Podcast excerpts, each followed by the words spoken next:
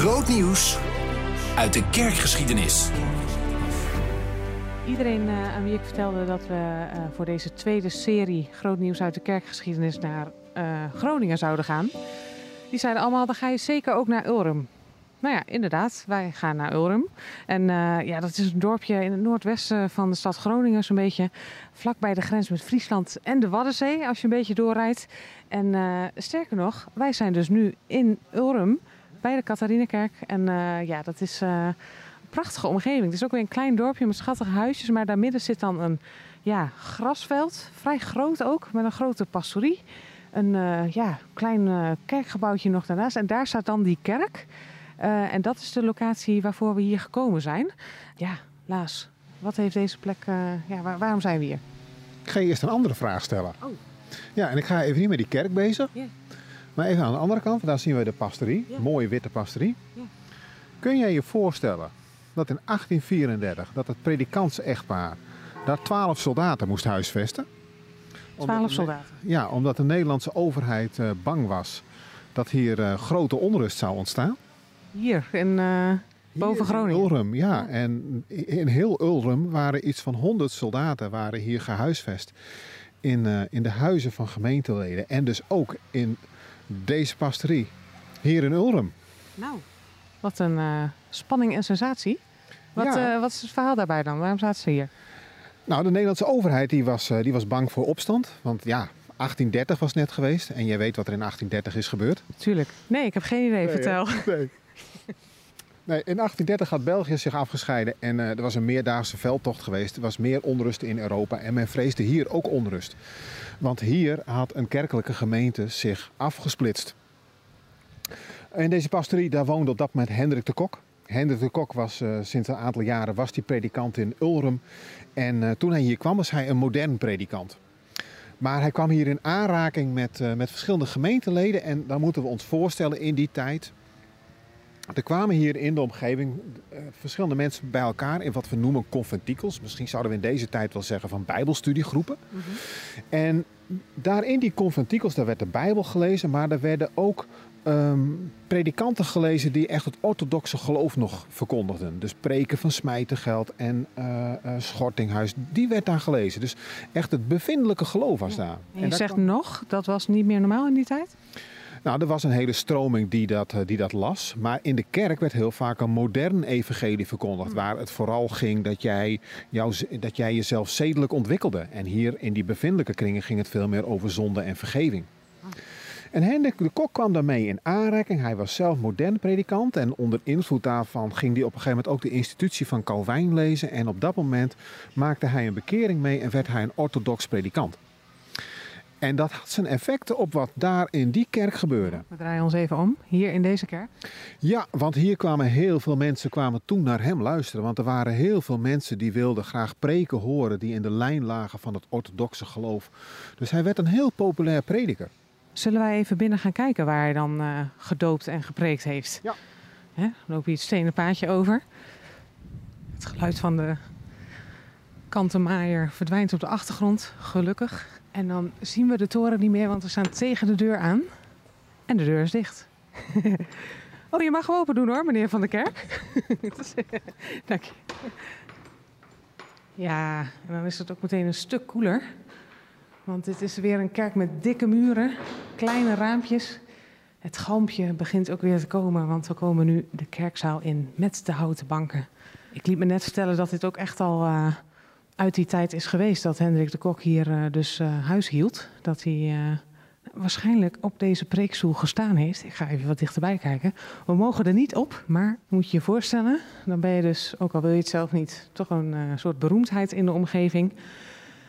En dan sta je hier in een nou, relatief klein kerkje. Toen nog met allemaal schilderingen op het plafond. Nu is het allemaal baksteen. Maar dan kijk je zo over het zaaltje uit en dan hangen de mensen aan je lippen. Laas, kun je daar nog iets bij voorstellen als je hier zo staat? Ja, dat, daar kan ik me wel iets bij voorstellen. Dat deze hele kerk vol zat met mensen en dat zij inderdaad naar zijn preken luisterden. De vraag is natuurlijk, hoe kwam het nou dat het uiteindelijk hier kwam tot een afscheiding van de hervormde kerk? Ja. Ja, dat had natuurlijk alles te maken met de persoon van Hendrik de Kok. Hij was orthodox geworden Maar er waren in Nederland, en onder andere in, uh, in Uithuizen, in Assen, daar waren predikanten die hadden moeite met die conventikels. Die hadden er moeite mee dat mensen bij elkaar kwamen in, in die kringen en daar hun geloof beleden. En die schreven daar ook boekjes over. En Hendrik de Kok die keert zich tegen hen. Die schrijft daar ook een boekje tegen. Dat is bekend geworden onder de naam De Schaapskooi. En daarin doet hij iets wat je in die tijd absoluut niet mocht doen. Hij noemde die twee predikanten namelijk wolven. En dat leidde tot zijn schorsing en uiteindelijk ook tot zijn afzetting. En, maar daarmee zie je ook dat er iets volledig langs elkaar heen aan het lopen was. Want klaarblijkelijk het kerkelijk bestuur hield zich vooral bezig met het gedrag van de predikant en hoe hij andere predikanten benaderde. Terwijl de gemeente was met iets heel anders bezig. Die wilde het namelijk wel hebben over hoe er werd gepreekt in die, in die kerk. En mensen hadden echt het gevoel van, ja, maar hier wordt het woord wordt nog verkondigd. Dan uh, besluiten die gemeente om zich op een gegeven moment te gaan afscheiden. En zij vinden ook niet dat zij zich af hebben gescheiden. Het is ook een akte van afscheiding en wederkeer. En dat is een oproep aan de anderen om terug te keren naar, naar een kerk waarin het woord op de juiste manier wordt verkondigd. Ik zie daar achter in de, de kerk uh, een schilderijtje hangen. Dat hangt er vast niet voor niets. Oh kijk, ter herinnering aan de afscheiding. Daar, daar staat inderdaad Hendrik de Kok op, de vader der afscheiding alleen zijn naam. Er staan ook een paar foto's op. Dat, uh, dat zijn allemaal uh, hoofdrolspelers, denk ik. Ja, hier zie je Scholten en je ziet een aantal andere dominees die een belangrijke rol hebben gespeeld. Uh, Simon van Velzen, Van Raalte, die later ook naar Amerika is gegaan. Zij hebben in die vroege kerk van de afscheiding hebben zij, een, hebben zij een belangrijke rol gespeeld. Dit wordt de eerste kerkelijke afscheiding sinds de 17e eeuw. Hmm. Dus met na de synode van Dordrecht ontstaat de remonstrantse kerk. Uh, maar daarna heeft de overheid er eigenlijk altijd wel voor gezorgd dat er niet ergens een, een, een afscheiding zou kunnen komen. Maar die ontstaat hier wel. Er gaan, uh, het is geen georganiseerde afscheiding. Er gaan allerlei, hè, je ziet die verschillende plaatsnamen mee. Nou, die liggen her en der in Friesland, in Groningen. Uh, daar gingen gemeenten mee en een deel uh, zich dus af van de hervormde kerk, vraagt later ook erkenning aan. Niet allemaal, maar een deel van deze kerken vraagt op een gegeven moment erkenning aan, krijgt dat ook. En zo ontstaat op een gegeven moment de christelijk gereformeerde kerk. Kijk, en dat is een bekende naam in de moderne geschiedenis in ieder geval. Nou, de christelijk gereformeerde kerk bestaat tot op de dag van vandaag nog steeds. Uh, een deel van die christelijk gereformeerde kerk gaat later mee met de doliantie van Hendrik de Kok. En die is nu weer teruggekomen in de, in de protestantse kerk in Nederland. Dus een deel is gewoon weer eigenlijk bij de hervormde kerk teruggekomen. Ja, ja dat is ook wel interessant. Hè? Dat het dan, als er maar tijd genoeg overheen gaat, de verschillen misschien uh, weer op te lossen zijn. Ja. Um, mijn eerste gedachte is, iemand die meewerkt aan een kerkscheuring, daar moet je misschien niet te veel van willen leren.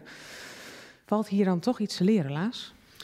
Ik denk dat hier heel veel van, uh, van te leren. Ik vertelde je net het verhaal en dan zie je dat waarom Hendrik de Kok werd afgezet, had dus niet te maken met wat hier in die gemeente leefde. Die gemeente die vroeg aandacht voor de orthodoxe leren. Hij werd afgezet omdat hij zich op een uh, manier uitte richting medecollega's die men echt niet vond kunnen. En wat je daarin ziet, is dat er besturen zijn die dus niet luisteren naar wat er zich eigenlijk afspeelt onder de bevolking. En wij zijn hier in Groningen. We zijn hier toevallig dan in het noordwesten, maar wij weten ook wat er verderop in Groningen is gebeurd. En tot op de dag van vandaag zijn er veel Groningers die het idee hebben dat ze niet worden gehoord, dat ze niet worden gezien, dat ze niet echt worden serieus worden genomen. Dus met andere woorden, dat patroon zie je tot op de dag van vandaag. En wat we daarvan leren, als je dan iets kleiner wilt maken en dan, dan binnen de kerk weer wilt gaan plaatsen, is dat het dus ongelooflijk belangrijk is dat jij je voelsprieten uit hebt staan naar wat er leeft in je gemeente. Het is niet altijd dat mensen vinden dat ze gelijk willen hebben, maar ze vinden het wel heel belangrijk dat ze gehoord, gezien en serieus genomen worden.